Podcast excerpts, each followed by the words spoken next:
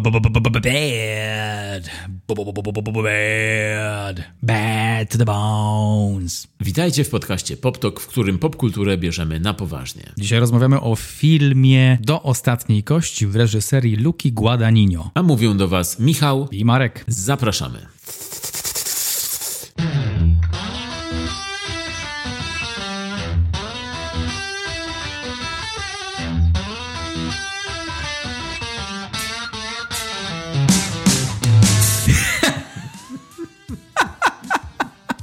Um, Ale dobrze wyglądasz. Jakiś masz dobry humor chyba. Coś się dobrego wydarzyło dzisiaj w twoim życiu? nie, po prostu jestem zmęczony. A, czyli masz wywalone. Po prostu tak, już e, jedyne co zostało mi to się śmiać. I akceptować to, co przyniesie dzień. Tak jest, tak jest. Carpe. To było od Carpe Diem? E, to było, e, Czy od Karpia? to było, ponieważ idą święta, chciałem e, powiedzieć, że weszliśmy we współpracę z firmą produkującą karpie. Ich motto to Karpia zjem. tak jest, O, tak ja, to jest. było najsuchsze, co wymyśliłem od tygodni. No, dzisiaj karpi nie ma, ale też jest fajnie, bo będzie za to zjem w podcaście u nas dzisiaj dużo, bo będzie o zjadaczach. Nie ma karpi, ale też jest fajnie. To jest, to jest kolejny tekst na koszulkę. Dzisiaj mamy same dobre teksty. A to dopiero pierwsza minuta, co będzie dalej, hej! Będziecie na pewno nasyceni pod koniec. Chyba, że będziecie nienasyceni pod koniec. Dobrze to obkręciłeś, Michale. Wiem, kto będzie nasycony. I już był nasycony. I jest nim Tymoteusz Szalamet. Czyli można go w skrócie powiedzieć Szalameusz. Szama, szama. Sama? Leusz. Szamaleusz. Samaleusz, bo szama. Bo szamie, no nie? Tymoteusz Szamaleusz. Już Szamaleusz. Jesus. Myślę, że skrobiemy już tak po dnie tej beczki. Ciekawe, czy jakieś normalne zdanie dzisiaj nam wyjdzie, czy tylko takie półsłówka i frazy.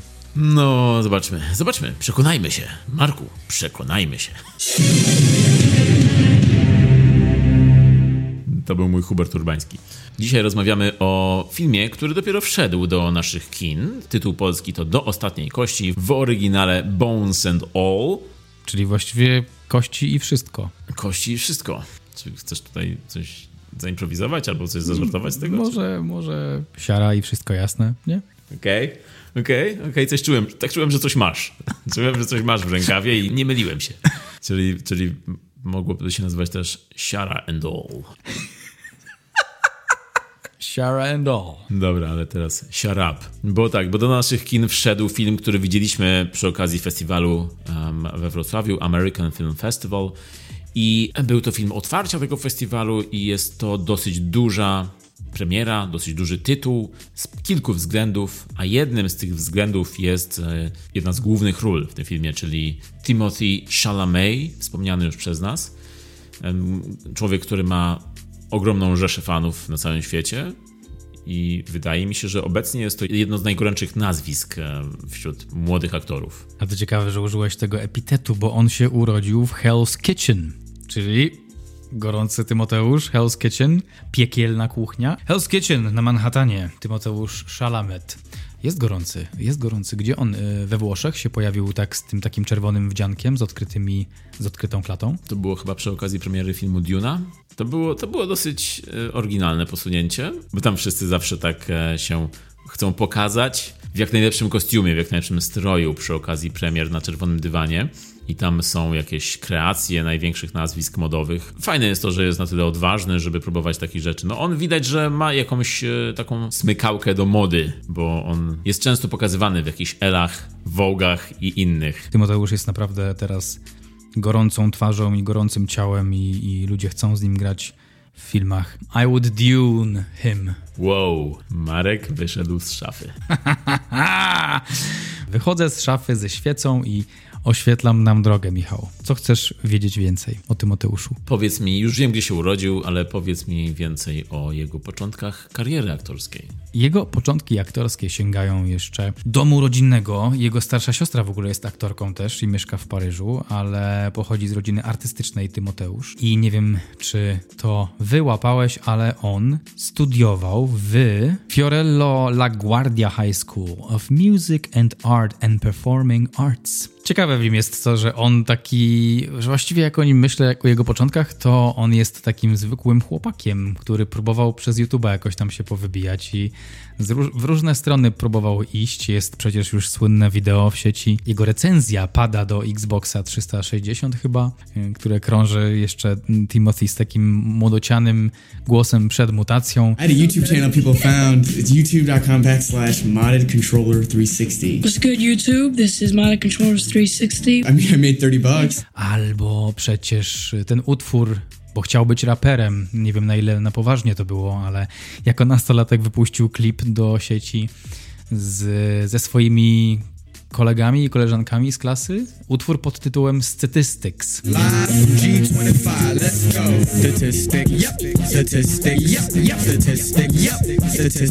Bardzo wcześnie zaczął promować markę osobistą. Widziałeś jedno albo drugie? Nie widziałem, słyszałem o tych nagraniach, ale nie, nie widziałem żadnego z tych nagrań. Natomiast wiem rzeczywiście, że on jest fanem hip-hopu i nawet wymienia rapera Kid Cudi jako jednego ze swoich takich najbardziej inspirujących artystów. Kid Cudi ten od, y, no jak się Day and, Day Night, and Night przede wszystkim, ale też w ogóle cały świetny album był z, tą, z tym utworem, czyli Man on the Moon. E, były dwie części tego albumu, albo nawet trzy części tego albumu i no ja też bardzo lubię jego twórczość. No ale Tymoteusz bardzo musi, bardzo, bardzo lubić, bo, bo mówisz, że nagrał nawet jakiś kawałek hip-hopowy, tak? On ma rzeczywiście kilka dziedzin, w których e, się obraca, no bo oprócz filmu i teraz, tak jak mówimy, muzyki hip-hop, czy też ogólnie muzyki, no to też wspomniana moda, bo on ewidentnie jest, e, to jest jedna z jego pasji, jakichś takich koników, e, to żeby zawsze jak się pokazuje publicznie, to zawsze ma jakiś swój wizerunek i, i ten wizerunek jego jest bardzo dopracowany. Z tego co wiem, no jest jeszcze też bardzo wielkim fanem sportu, a zwłaszcza piłki nożnej, bo sam kiedyś chciał być piłkarzem. I to nie futbol amerykański, ale soccer, jak to tam się nazywa. On był bardziej w soccer. Futbol amerykański to jest taka przecież y, męska bardzo rzecz, no, tak, przepychanie tak, się i tam no jest otwarta agresja, a w piłce nożnej podejrzewam, że w Stanach piłka nożna jest postrzegana jako takie dla słabe uszy. Jest, jest, tak jest, dokładnie. Dlatego rzadko się zdarza, żeby w Stanach ktoś chciał być piłkarzem i grał, grać w soccer, nie futbol no bo to, to u nich to jest ten futbol przede wszystkim. Zresztą Super Bowl przecież jest mega gigantycznym wydarzeniem tam a nie tak jak u nas FIFA czy co tam. Czy ekstra klasa. Tak. tak. No, także Tymoteusz bardzo chciał być w ekstraklasie, no ale niestety nie. Ale on ma nawet taką szczękę, bo jeszcze wrócę do mody. On pasuje bardzo do tego świata mody, bo jest wychudzony, ma kontrastowe oczy, bo ma ciemną oprawę, ciemne włosy, jasne oczy. Jego szczęka wygląda jakby ktoś mu ją wyciosał, jak na taką taką drobną posturę to ma atrybuty modela. No i jest takim trochę modelem, bo on ma bardzo dużą rzeszę fanek i fanów, którzy są no, na, w wieku nastoletnim. On, on też jest młody, bo ma 26 lat w tym momencie, to jest 95 rocznik, czyli rocznikowo 27. E, taka ciekawostka przy okazji premiery jego nowego filmu, o którym dzisiaj będziemy rozmawiać, czyli Do Ostatniej Kości, który jest od wieku 18 lat, no to wiele z jego fanów nie zostało wpuszczonych do kin w Stanach. Był taki artykuł, czy była taka sprawa właśnie ostatnio, że, że, że fani jego narzekają, bo nie mogą obejrzeć tego filmu w kinie, bo ich nie wpuszczają na seans. Mm, także no, Chalamet jest takim bożyszczem nastolatków, ale przy tym jest też bardzo ciekawą osobą pod tym względem, że on łączy tego, tego idola, takiego jakim był na przykład Pattinson kiedyś yy, przy okazji Zmierzchu, łączy z kimś bardziej ambitnym. Przy okazji Roberta Pattinsona to było tak, że on miał dwie fazy. Pattinson miał najpierw idol nastolatek, E, zmierzch i jak się skończył Zmierzch, zaczął tą drugą fazę, wszedł w, w kino ambitne i wtedy zyskał więcej jeszcze, ale Chalamet jest o tyle ciekawy, że on jednocześnie jest i idolem nastolatek i ambitnym aktorem, który dostaje nagrody i nominacje do nagród. Jest bardzo ambitny, jest poliglotą, umie mówić po włosku, po francusku, po angielsku. Po polsku? Po polsku? Nie? Nie rozmawiałeś z nim ostatnio na, na, na, na czacie? No na tak, Interi? Tak, tak. tak, tak. Na, na gadu, gadu? Na czateri? Na, na gadu gadu? Na...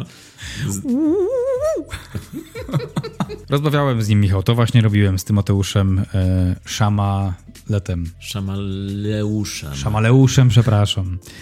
Tymoteuszem Szamaleuszem, który ciągle je. W tym filmie też je. Ciekawa postać, no nie? Ciekawa, ambitna, taka widać, że ci ludzie, ci młodzi aktorzy, teraz młodsze pokolenie aktorów, bardzo świadomie podchodzi do tego zawodu. Tak, i do wyborów aktorskich właśnie, tak jak on, bo on tą filmografię, no nie ma jakiejś bardzo rozbudowanej filmografii, ale ma bardzo przemyślaną tą filmografię i widać, że e, za tymi wyborami e, ról e, stoi jednak nie tylko jakiś menadżer, ale stoi on sam, widać i to jego upodobania. I jeśli mówimy o początkach jego kariery aktorskiej, Chalamet przyznaje, że największą motywacją i inspiracją do pójścia w stronę aktorską była rola Hita Ledgera w filmie Mroczny Rycerz. Wow, really? Ale zasięg miał hit. Nie no, ta rola była rewelacyjna.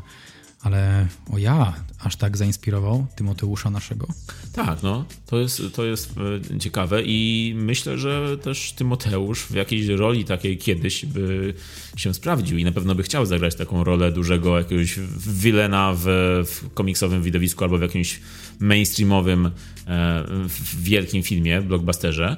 I, I, on mógłby być kiedyś takim drugim Heath Ledgerem. Totalnie widzę go w tym. Widzę Tymoteusza grającego jako jakiegoś, jakiegoś antybohatera. A jeśli mówimy o inspiracjach poważnych, no to Timothy już jest inspiracją dla wielu. On wybił się w filmie Hansa... Hansa, Hansa Klossa. Ojej. Nowe Oj. przygody Hansa Klossa. Klasyk. Timothy Chalamet. Stój, bo strzelam. jako Brunner. Ojej, Tymoteusz wcielił się w rolę syna Matthew McConaughey w filmie Interstellar. Film oczywiście znanego już wszystkimi e, lubianego Christophera Nolana. I tam się pojawił najpierw i przykuł uwagę ludzi, a potem taką kolejną petardą była rola w filmie Tamte dni, tamte noce i postać Elio Perlman. Do tej roli zresztą nauczył się mówić po włosku, bo film rozgrywa się we Włoszech, e, na prowincji włoskiej, e, podczas wakacji i rzeczywiście Chalamet e, był wielkim objawieniem przy okazji premiery tego filmu. Wszyscy o nim mówili, o tej roli, o, o duecie jego i Armiego Hammera w tym filmie.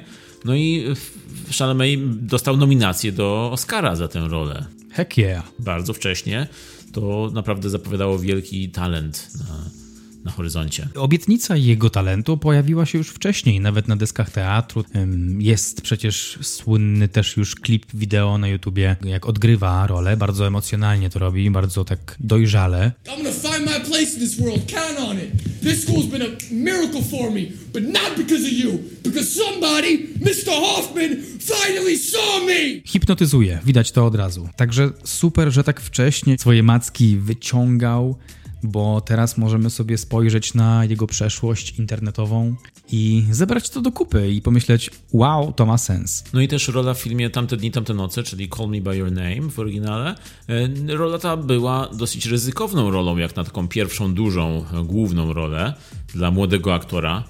On miał wtedy, ile on, nawet nie miał 20, nie, przepraszam, miał 22 lata, kiedy film miał premierę, czyli pewnie 21 lat, kiedy kręcili. On tam grał młodego chłopaka, który zakochuje się w, w koledze, współpracowniku swojego taty, granym przez Armiego Hammera, czyli w starszym gościu.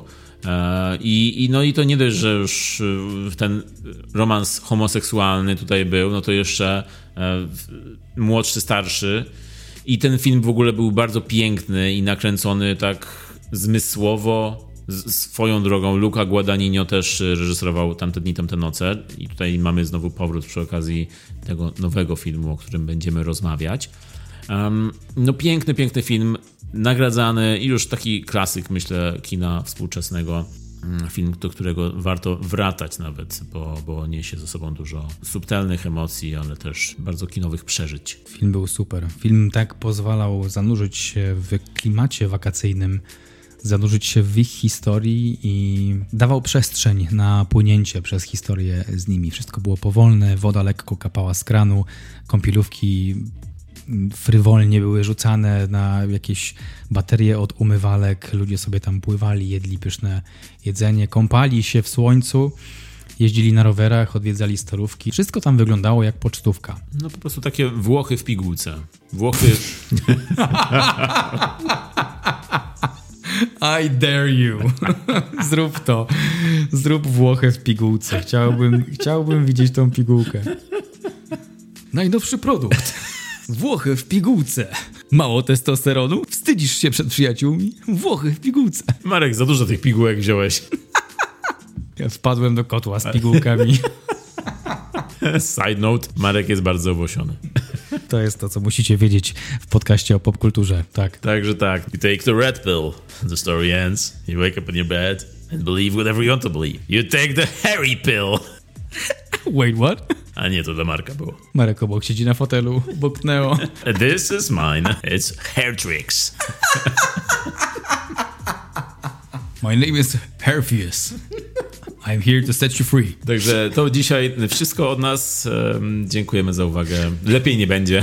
Zostawmy tamte dni, tamte noce i te wszystkie, te całe, te całe Włochy. No i musimy wspomnieć jeszcze, że Timothy Chalamet ma na koncie występy w, od, od tego filmu Tamte dni, tamte noce ma na koncie już występy w filmach artystów, reżyserów e, o dużych nazwiskach, niekoniecznie blockbusterowych, bo on poszedł w inną drogę i grał chociażby u Grety Gerwig w Lady Bird, grał w Małych Kobietkach, też u Grety Gerwig, grał u, u Woody'ego Allena w Deszczowy Dzień w Nowym Jorku. Swoją drogą, całą swoją garzę za ten film przekazał e, ruchowi Time's Up, Me Too, ponieważ e, wtedy wyszła ta cała sprawa, afera z Woodym Allenem i chyba było to takie mile widziane, że aktorzy grający Woody'ego Allena chcą się jakoś odciąć od Woody'ego Allena i pokazują, że hej, hej, my jesteśmy spoko, my nie, jesteśmy, nie jesteśmy tacy jak on.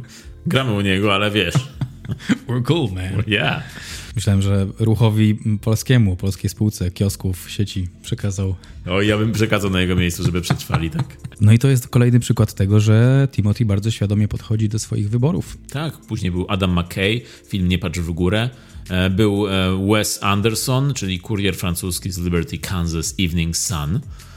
Pełny tytuł. No i była ta Duna, duży, duży film, ale też zachowujący pewną artystyczną wartość. A jeśli chodzi o mnie, nie wiem jak u ciebie, moją ulubioną rolą Timothy'ego i rolą taką, która pokazała jego największy e, wachlarz umiejętności jest na pewno film Mój piękny syn. Mój piękny syn, Faktoza. To był przepiękny syn i film. Piękny, piękny. Ojej, pamiętam, jak pisałem nawet recenzję o nim. Mini, krótką.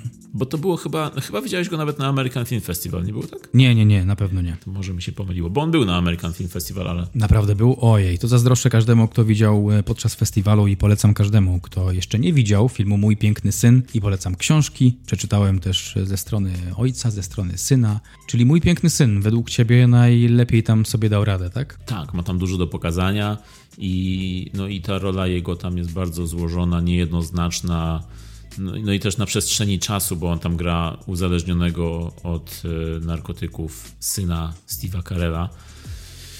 No i jest tam, są tam różne stadia tego uzależnienia, przez które on przechodzi i no, no, ogląda się to z rozdartym sercem, y, jeśli chodzi o perspektywę ojca i perspektywę syna, bo no, no, obaj pokazują to wspaniale. Ta gama emocji u Shalameta w tym filmie no, jest niesamowita na pewno. Nie jest to też taka łatwa rola, jak mógłby jak nie jeden aktor pójść po jakąś oscarową, rozbuchaną rolę.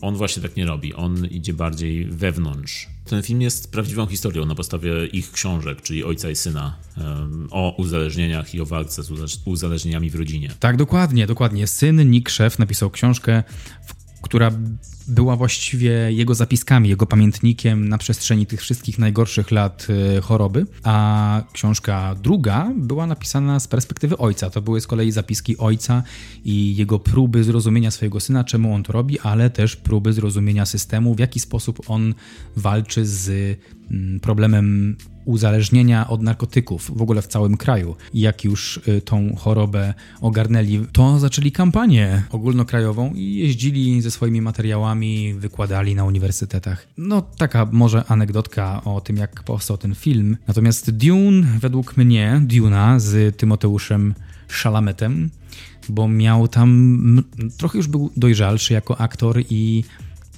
ta jedna scena jest taka w której on pokazuje całą paletę emocji i to było świetne, to był taki warsztat. Pamiętasz tą scenę, jak on wsadza rękę w pudełko i ta babka torturuje go trochę i on przechodzi przez bardzo różne stany emocjonalne i każdy był do uwierzenia. Tak, pamiętam, rzeczywiście świetna scena.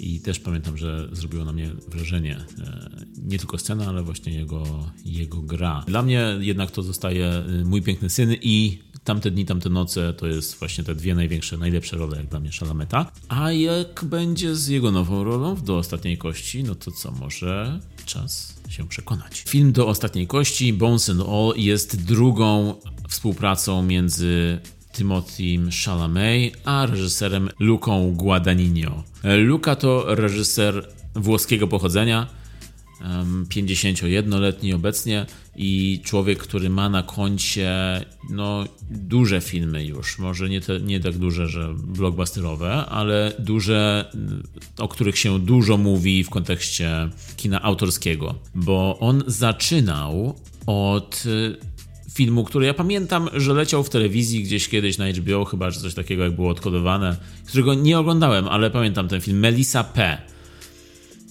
to jest dramat obyczajowy, włosko-hiszpańsko-amerykański. Film, którego nie oglądałem, więc nie wypowiem się. Także to był e, film z 2005 roku, ale wybił się dopiero w 2009 filmem Jestem miłością z Tildą Swinton. Film ogólnie nagradzany, ze świetną rolą Tildy Swinton właśnie i mm, taki dosyć oryginalny melodramat. W ogóle Guadagnino, on po pierwsze będzie lubił takie gatunki melodramatyczne i filmów o miłości, o trudnej miłości, e, o przejściach, które trzeba pokonać, ale też będzie współpracował jeszcze z Tildą Swinton e, przy okazji kolejnych swoich filmów, bo w 2015 powstał film Nienasyceni, A Bigger Splash, właśnie z Tildą Swinton w jednej z głównych ról.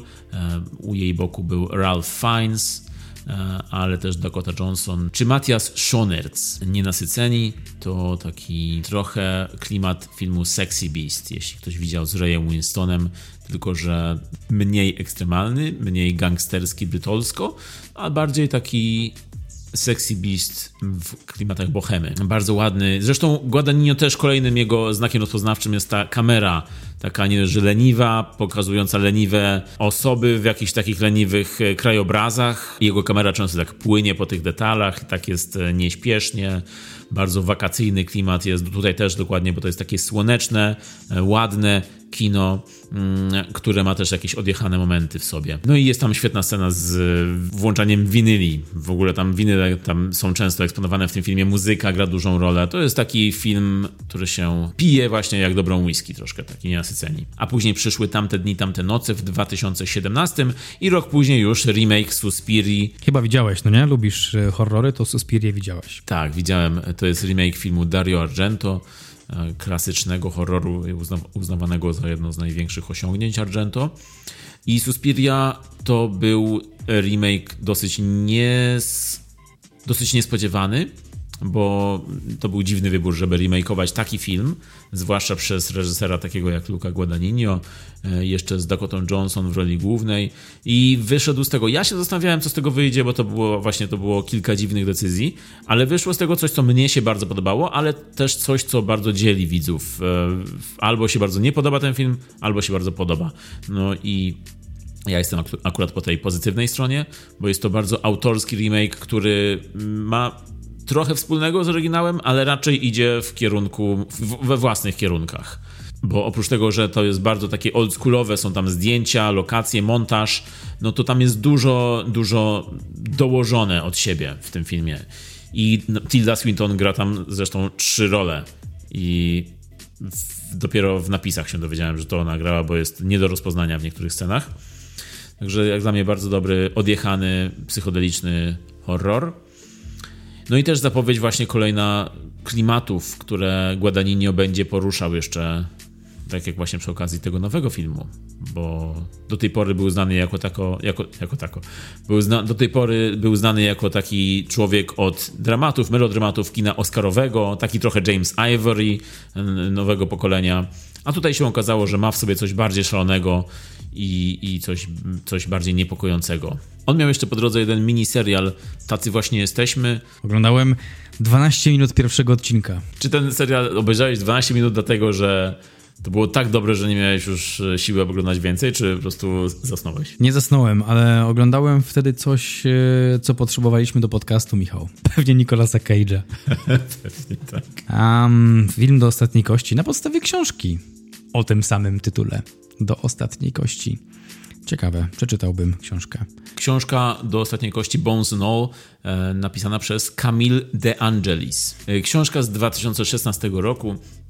I z tego, co słyszałem, bo nie czytałem, to ta książka nie jest zbyt dobra. Tak się zaczynają zazwyczaj dobre recenzje. Z tego, co słyszałem, bo nie czytałem, to jest to książka bardziej w duchu taki young adult książek YA, czyli tych e, z cyklu Zmierzch, mm. czy z cyklu tam, e, nie wiem, co tam było jeszcze, ta Igrzyska Śmierci. Mm, mm, Takie mm. klimaty bardziej. M dużo mniej brutalności niż w filmie i też książka, która, której fabuła różni się trochę od fabuły filmu, bo tutaj wiem, że twórcy, scenarzysta David Kajganicz bardzo sobie pozwolił na duże zmiany, ale rozmawiał, konsultował z autorką i co ciekawe, autorka miała do niego tylko jedną dużą prośbę, żeby wybrzmiało w filmie to, co chciała, żeby wybrzmiało w, w, książce, czyli że to jest historia o weganizmie. No widzisz, no to opowieść o weganizmie, weganizmie, weganizmie.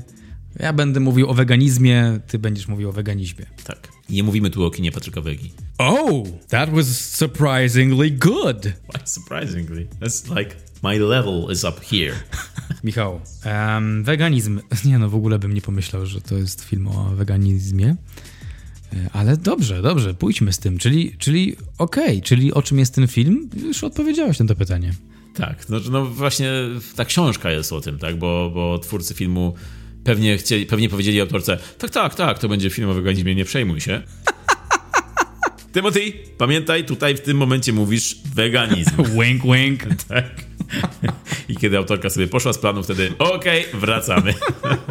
Zamiast słowa weganizm mówisz wołowina. Może nie weganizm, ale zauważyłem tam inny izm. Kanibalizm tam jest. I to jest ten izm, który wybrzmiewa, który właśnie...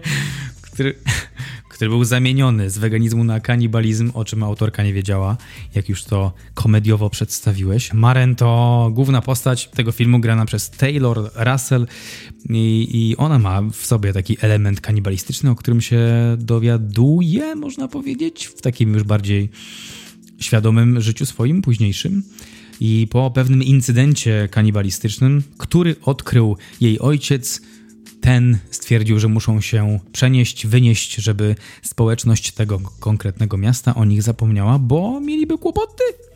No i w taki sposób trafiają na listę poszukiwanych i na tej nowej ścieżce Maren próbuje się odnaleźć.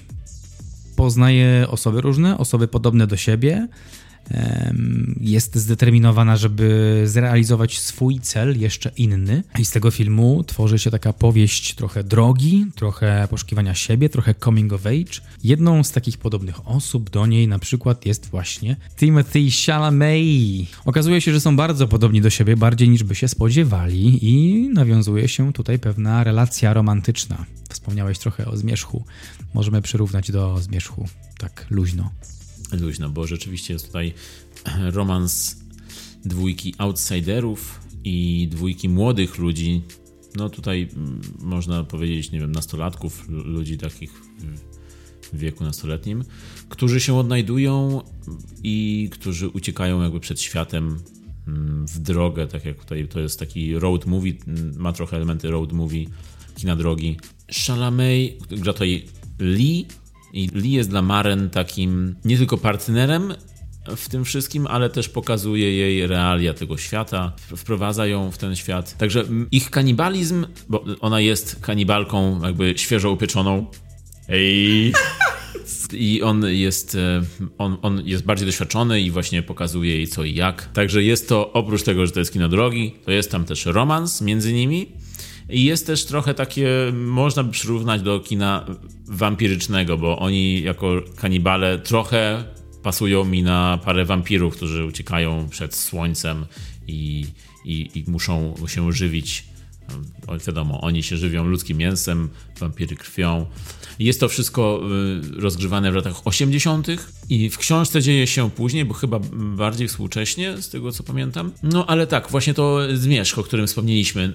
Jest tutaj trochę taki nastrój, czasami tak jak było mówione o zmierzchu, takich emo nastolatków. Muszą liczyć tylko na siebie nawzajem, e, jest tam między nimi dużo uczucia i no jest ten mrok w filmie pokazany. To jednak jest, jeśli porównując ze Zmierzchem, no to jest taki dobry Zmierzch, jeśli byśmy mieli mówić, no bo jest tutaj e, bardziej dorośle pokazany ten ich związek i w ogóle cały ten gatunek horroru niż w tamtym filmie. No, a jak już mówimy o, o fabule, no to różnica jeszcze między książką a filmem jest też taka, że e, w filmie Maren wyrusza na poszukiwanie e, matki po tym, jak ojciec ją porzuca, ona chce znaleźć swoją matkę, której nie znała. A w książce jest odwrotnie. To matka ją porzuca i ona wyrusza na poszukiwanie ojca. A jest w książce Lee? Jest w książce Lee. E, ta postać też się różni w książce podobno. E, jego postać się różni od tego, co jest e, w filmie. I jest też postać Saliego, o którym jeszcze będziemy dużo mówić. Ale tutaj nie mówimy dzisiaj o spoilerach w, związanych z filmem do ostatniej kości. To będzie bezspoilerowe, ale zacznijmy od początku, bo sam początek filmu intro w ogóle, pierwsze 5 minut, to jest coś, co szybko nas szokuje i daje nam szybko do zrozumienia, z jakim filmem mamy do, do, do czynienia, bo Luca Guadagnino nie daje nam się rozgościć za bardzo w tej fabule, bo na początku chyba jest w pierwszych 5 minutach scena, w której bo bohaterka Maren przegryza innej dziewczynie palec Ach, ten palec tak słodko zwisał. Pamiętasz to, Michał? Ale to nie była przecież scena z paznokciami, to czemu tak się wykrzywiasz? To jest okej. Okay. Rzeczywiście, zastanawiam się, jeśli chodzi o ten film, co w nim było takiego obrzydliwego, bo te sceny, one nie były aż tak bardzo krwawe, nie? Ale no nie. były takie, że jak sobie wspominam je, to tak, takie były nieprzyjemne. Wydaje mi się, że tam ten dźwięk był bardzo taki ostentacyjny. Mhm, no był, był wyraźny. Tak, bo to wgryzanie się w ten palec i kość, to przegryzanie, takie chrupanie w ogóle podczas było tego, że yy, tak było to obrzydliwe trochę. I zresztą podczas filmu były jeszcze takie sceny obrzydliwe, bo, bo dźwięk właśnie, myślę. Nie wiem, czemu się uśmiecham, ale tak, tak. A, miłe wspomnienie. Jeśli już jesteśmy przy kanibalizmie właśnie. E, no bo... No bo film porusza temat kanibalizmu, to już mówiliśmy, i robi to bardzo taki działający na zmysły sposób. Mówisz tutaj o zmyśle słuchu. Nie, ogólnie tak mówię, że działa na zmysły, to tak e, i wzrok, i słuch daje to tak. E, reżyser Guadagnino robi z tego sceny, które nie są jakimś gore, ale są bardzo intensywne. Pojawia się grymas zniechęcenia w trakcie oglądania scen jedzenia. Tak, chociaż też była jedna scena niejedzenia, która przyprawiła mnie na przykład na, o największe takie obrzydzenie. Mówię tu o scenie ze śliną. A, rzeczywiście, ojejku, wow, wow, wow. Ugh, przypomniałeś mi. Scena ze śliną, chyba najbardziej obrzydliwa dla mnie. Ła, ła. Ale prawdziwe doznania są w kinach. W kinach ten film będzie od 25 listopada. Być może słuchając tego już jesteście po seansie. I te wszystkie doznania opisywane przez nas możecie zweryfikować lub już to zrobiliście. No dobra, no to jeśli... To? My name is Sally Girl. Follow me, girl. Oh, you are hungry. To była właśnie interpretacja Saliego. Sally jest jedną z postaci pobocznych w filmie Do Ostatniej Kości i gra go Mark Rylance. I tutaj bardzo, bardzo chciałbym dźwięczny zastosować slow clap dla tego typa, bo jest świetny. Jest, jest. I jest y, w ogóle. Najpierw powiem o tym, że ta postać, ta postać jest chyba najlepszym, y, co jest w tym filmie i tym, co o, najbardziej, tak. się, najbardziej się wybija i zostanie ze mną na pewno najbardziej. To, to ostatnie już to się trochę boję. ale, ale z tym pierwszym zgadzam się bardzo. Tak, biorę sobie do serca to, co, to wszystko, co mówił i robił. Świetny człowiek, wielki człowiek. Te, tak, no to, co mi się najbardziej podobało w Salim, to to, że on się pojawia w filmie stosunkowo wcześnie jest y, pierwszym zjadaczem, no bo oni, ci kanibale są w filmie nazywani zjadaczami, eaters. I on pojawia się na drodze Maren jako ten pierwszy po tym, jak ojciec ją e, zostawia. I to jest bardzo ciekawa postać, bo on chce jakby nawiązać z nią relację, on ją wywąchuje i czuje ją z daleka i przychodzi, znajduje ją. Ona jest bardzo taka wycofana, bo nie wie, nie wie, co ma myśleć o tym wszystkim. I on jakby ją chciał przygarnąć pod swoje skrzydła i jest to bardzo dziwna relacja. Nie wiadomo, czy on, jest z niej, czy on się w niej zakochał, czy on chce być jej jakby mentorem, ojcem, ale chce jej pokazać jakby ten e, insight tego kanibalizmu i zabiera ją na karmienie do jakiegoś domu opuszczonego się wydaje. No i Sali w ogóle pierwszy, jego, jego pierwsze wejście to jest coś wow, bo to jak on wygląda jego kostium to jest coś niesamowitego. Tutaj propsy dla, dla, dla kostiumografów tego filmu. On wygląda trochę jak gajowy. Tak, to samo pomyślałem. To piórko w kapeluszu i te ubrania takie dziwnie niedo, niedopasowane do siebie, takie każdy jakby z innej parafii i każdy w innym kolorze. Jest to też e, sposób ubierania się Lee, bo to jest jakby wytłumaczone tym, że oni jakby biorą ubrania swoich ofiar, więc po prostu ubierają się w to, co akurat mają pod ręką. I dlatego to jest wszystko takie niedopasowane. Ale no, Sali w tym ubraniu swoim robi takie wrażenie takiego super creepa po prostu. Jeszcze wieczorem stoi na tej ulicy i wyczułem cię z tamtego domu. I mean, bra. Myślę, że tylko o nim i o tej roli mogliśmy długo rozmawiać. I jeszcze jeśli chodzi o jego stroje, no to te sandały i skarpetki i te shorty prostu niesamowite po prostu, jak on wygląda, jak taki naprawdę ostateczny creep. I tak mówi zresztą też, tak jak go naśladowałeś właśnie, to jest to bardzo dobre odzorowanie. Ten głos taki, no jest bardzo taki dziwaczny, awkward, bardzo taki jest niezręczny postać taka niezręczna. Niezręczna, ale złożona ta postać. Ciekawa, była chyba najciekawsza postać z całego filmu. No i on też właśnie pojawia się, później ona go e, zostawia, rusza w dalszą drogę, z tym, że on później, no tak jak się możemy spodziewać, wraca momentami. No, bardzo przypominało mi to, ten zabieg scenariuszowy przypominał mi bardzo książki Stephena Kinga. On mi przypominał w ogóle postać z książki Stephena Kinga e, jako taką, takiego no nie będę tutaj mówił za dużo, ale, ale nawet jego psychologia, czy, czy właśnie jego zachowanie, jego, jego rola w tym filmie bardzo była dla mnie taka kingowska. No tak, Sally naj, no to jest to najlepsze, co, co jest w tym filmie według mnie. Ale na pierwszym planie mamy tutaj dwoje bohaterów granych przez właśnie Timothy Chalamet i przez Taylor Russell, młodą aktorkę. Myślę, że z nich dwojga bardziej ona jest takie, bardziej ona gra pierwsze skrzypce, jest na prowadzeniu bardziej tutaj w tym filmie. A co myślisz o jej graniu w ogóle? No właśnie bardzo mi się podobało, nawet bardziej myślę niż e, Chalamet w tym filmie. Mm, ona jest, to jest jakby jej film, jej historia, dlatego też to bardziej chyba odczuwa się. I ona mi się bardzo podobała już przy okazji filmu Waves. Bardzo, bardzo dobry film, też polecam wszystkim. To jest aktorka, która dopiero jakoś tak się wybija. Myślę, że tym filmem się wybije już.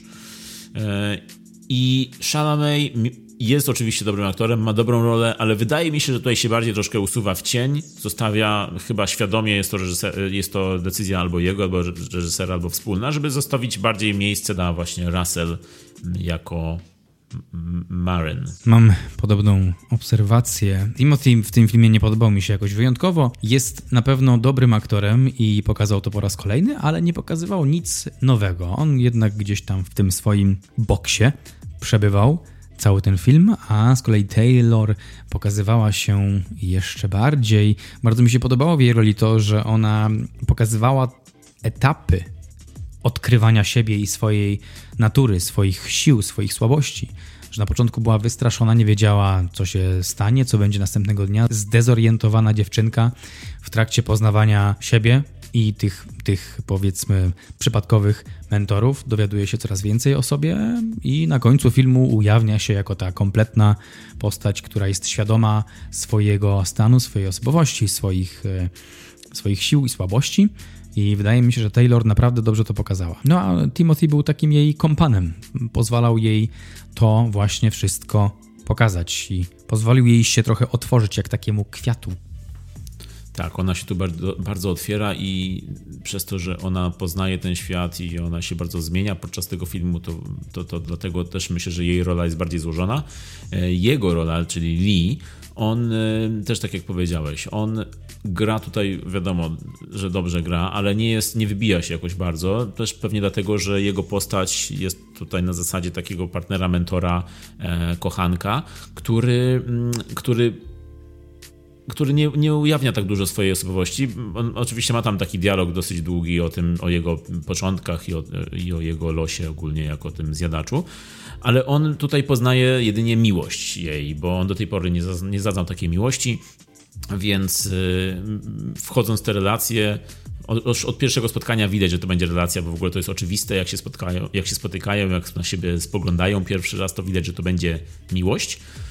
Mm, I to przez to, że poznaje miłość, poznaje też słabość. Jakby do tej pory nie miał tej słabości, bo był tym odludkiem, który podążał, podążał przez kraj i zjadał ludzi, polował, zjadał i tyle. A tutaj jeszcze do, do tego dochodzi ta miłość, ta jego słabość, która jest jakby jego mm, punktem takim. Y, no i Timothy ma tutaj linijkę dialogu, która jest po prostu według mnie no, była bardzo cringe'owa. Bardzo był ten moment w jego scenie z nim, nie będę mówił jakiej scenie, bo to byłby spoiler, ale jest taki moment, który po prostu stwierdziłem, że nie, nie, to już jest za dużo, za dużo, zagrane i napisane za bardzo. Michał, Tymoteusz Tymoteuszem, Taylor Taylorką i e, Mark Markiem, ale Michael Ojejku, jak on tam wyglądał, co on robił? Mówię oczywiście o Michaelu Stulbargu, który też grał z Timothym w filmie Tamte dni, tamte noce i tam grał ciepłego ojca z ogromną wiedzą na temat męskiej emocjonalności, w ogóle takiego, takiej ludzkości, takiego człowieczeństwa, humanizmu, wielkie ciepłe serce, cierpliwe, akademik, e, empata. w tym filmie pokazany jest jako zjadacz i ich dialog przy ognisku, jak, jaki, jaki mieli.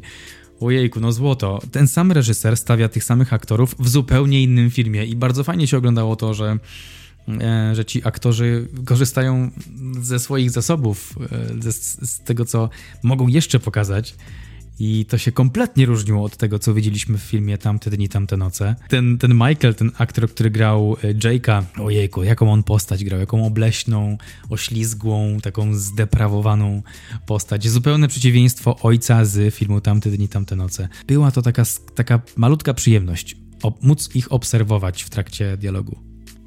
Tak, to samo pomyślałem. Była to świetna scena nie tylko już bardzo niepokojąca, ale tak jak powiedziałeś, właśnie taki można było sobie pomyśleć, ej, to jest, oni coś chyba tutaj chcieli e, tak nam powiedzieć, puścić nam oko takie do świadomego widza. Ale tak, no i, i też jeszcze trzeba powiedzieć, że w tej scenie, e, oprócz Michaela Stulbarga, no to razem z nim, bo tam było dwóch zjadaczy, którzy siedzieli właśnie razem z e, Lee i Maren i opowiadali im tą swoją historię bardzo dziwną, no to drugim z tych dwóch, tych hillbillies, Drugim był e, gość, którego grał David Gordon Green. I w ogóle to jest też bardzo ciekawy wybór, bo David Gordon Green jest reżyserem. On e, wyreżyserował między innymi nowe Halloween. I on jest gościem, który tworzy takie bardzo też autorskie kino grozy i nie tylko grozy. On zrobił na przykład też boski chillout Pineapple Express mm -hmm. z Sethem Rogenem. I nagle taki, wiesz, reżyser pojawia się nagle w takiej małej rulce, takim cameo, można powiedzieć. To, to wszystko w tej scenie właśnie, tak jak powiedziałeś, jest chyba, ma na celu takie mrugnięcie do widza, że to jest taka e, teraz zabawa tymi postaciami. Ale też jak nie patrzeć na, to, na tę scenę w ten sposób, no to jest to świetna scena, bardzo niepokojąca i bardzo taka creepy bardzo.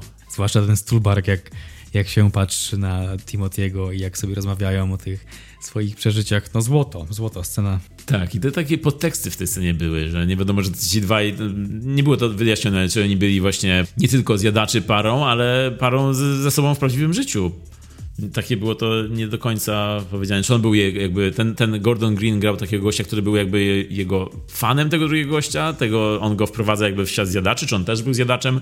To było wszystko takie niepewne i, i bardzo dziwaczne. Bardzo mi się podobało to. A jeśli jeszcze mówimy o rolach, no to gra tam też małą rulkę Chloe Sevigny.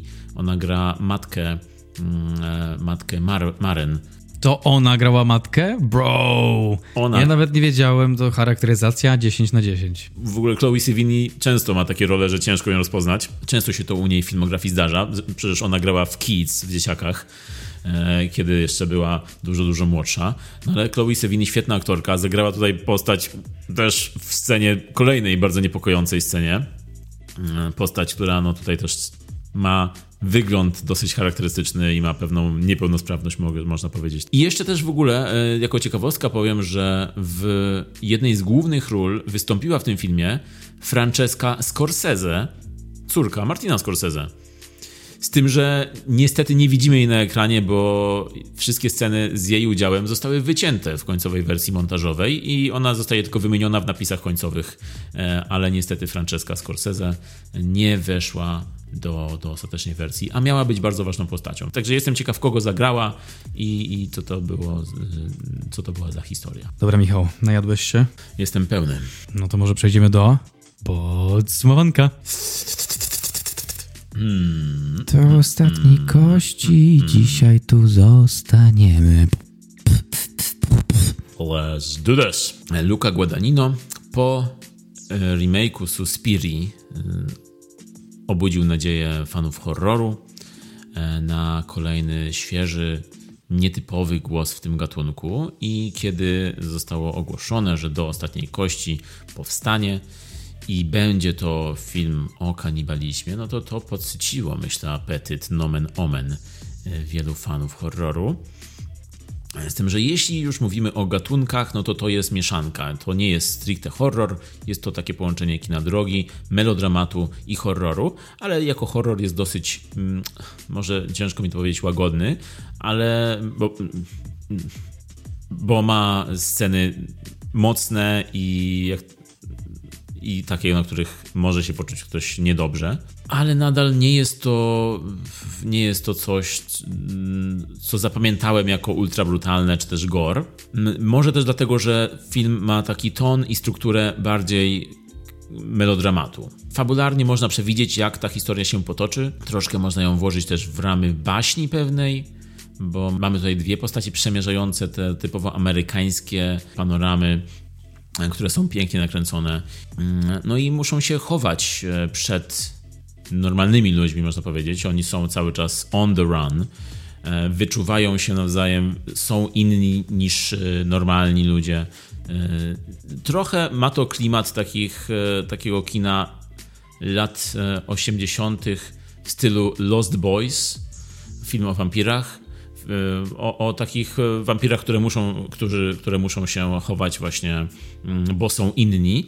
I to ma też trochę klimat takiego kina queerowego, e, czyli oni oni swoją inność muszą chować przed e, światem. Luca Guadagnino wydaje mi się, że często porusza ten temat w swoich filmach i jest to też widoczne tutaj. Natomiast w porównaniu z Suspirią, która była bardzo operowa, bombastyczna i ta przemoc tam była obrzydliwa, ale jednak w tych ramach tej konwencji właśnie filmu bombastycznego, operowego, no to nie, nie, nie uderza tak mocno jak tutaj, bo tutaj to jest bardziej realizm, e, te sceny są bardziej intymne i mają całkiem inny rodzaj mocy oddziaływania. To zjadanie do kości, jak w tytule, jest tutaj użyte bardziej jako metafora, i ta metafora ma dużo podtekstów ciekawych. Sam kanibalizm natomiast do tej pory w kinie nie za często poruszany bo to są raczej sporadyczne filmy, które, które mówią o kanibalach. Wiadomo, że najbardziej znanym przykładem jest Milczenie Owiec i Hannibal, czyli Hannibal Lecter, e, postać kanibala arystokraty, ale są bardziej takie realistyczne, przyziemne filmy jak film Mięso, Julie Ducournau, który mówił właśnie bardzo ciekawie e, i bardzo gatunkowo bardzo też obrzydliwie na ten temat. Natomiast właśnie już wracając do tego filmu, kanibalizm Lee i ogólnie kanibalizm jest tutaj troszkę taką metaforą traumy z dzieciństwa też, e, uzależnienia, zmagania się z tym uzależnieniem. Także jest to taki trochę mainstream już e, z odrobiną obrzydliwości. E, ma to jakieś tony zmierzchu, tak jak już mówiliśmy. I jest tutaj trochę, czasami wyczuwałem takie nuty fałszu, emocjonalnego, tak jak już mówiłem, jest parę scen, zwłaszcza w finale, które jak dla mnie już niosły ze sobą za dużo, takie były już... Czułem się przejedzony tym. Użyję jeszcze raz e, porównania do jedzenia. E, no, myślę, że miałem nadzieję na więcej, zwłaszcza po bardzo dobrej jak dla mnie Suspiri, ale na pewno największą siłą tego filmu jest rola Marka Rylansa.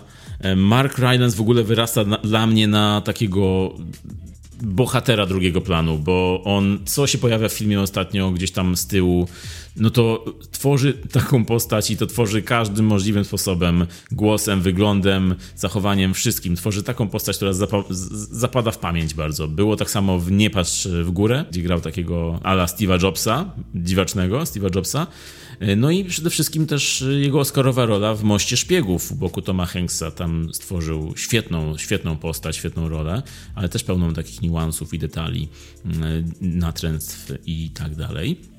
No tutaj jest takim uber clipem i, i, jest naprawdę kameleonem, który bawi się swoją rolą, nie tylko tutaj, ale ogólnie. No i na, na, pewno na wyróżnienie zasługuje jeszcze dla mnie muzyka. W ogóle jak cały film słyszałem tą muzykę, to zastanawiałem się, że ta muzyka cały czas brzmi mi jak coś, jak ktoś. I na końcu się okazało, że rzeczywiście to był Trent Reznor i Atticus Ross, dwóch gości, którzy robią świetne ścieżki dźwiękowe do filmów. Przede wszystkim ich mega wspaniałe Social Network do dzisiaj e, w moim sercu. I jest tam w finale piosenka, e, w której jest tekst For a minute you made it feel like home. No i można by to poczuć jako taki moment subtelny, ładny, ale z, troszkę mi to e, kontrastowało z tym, co się działo na ekranie i to mi trochę jednak chyba nie pasowało tutaj, ten, ten finał.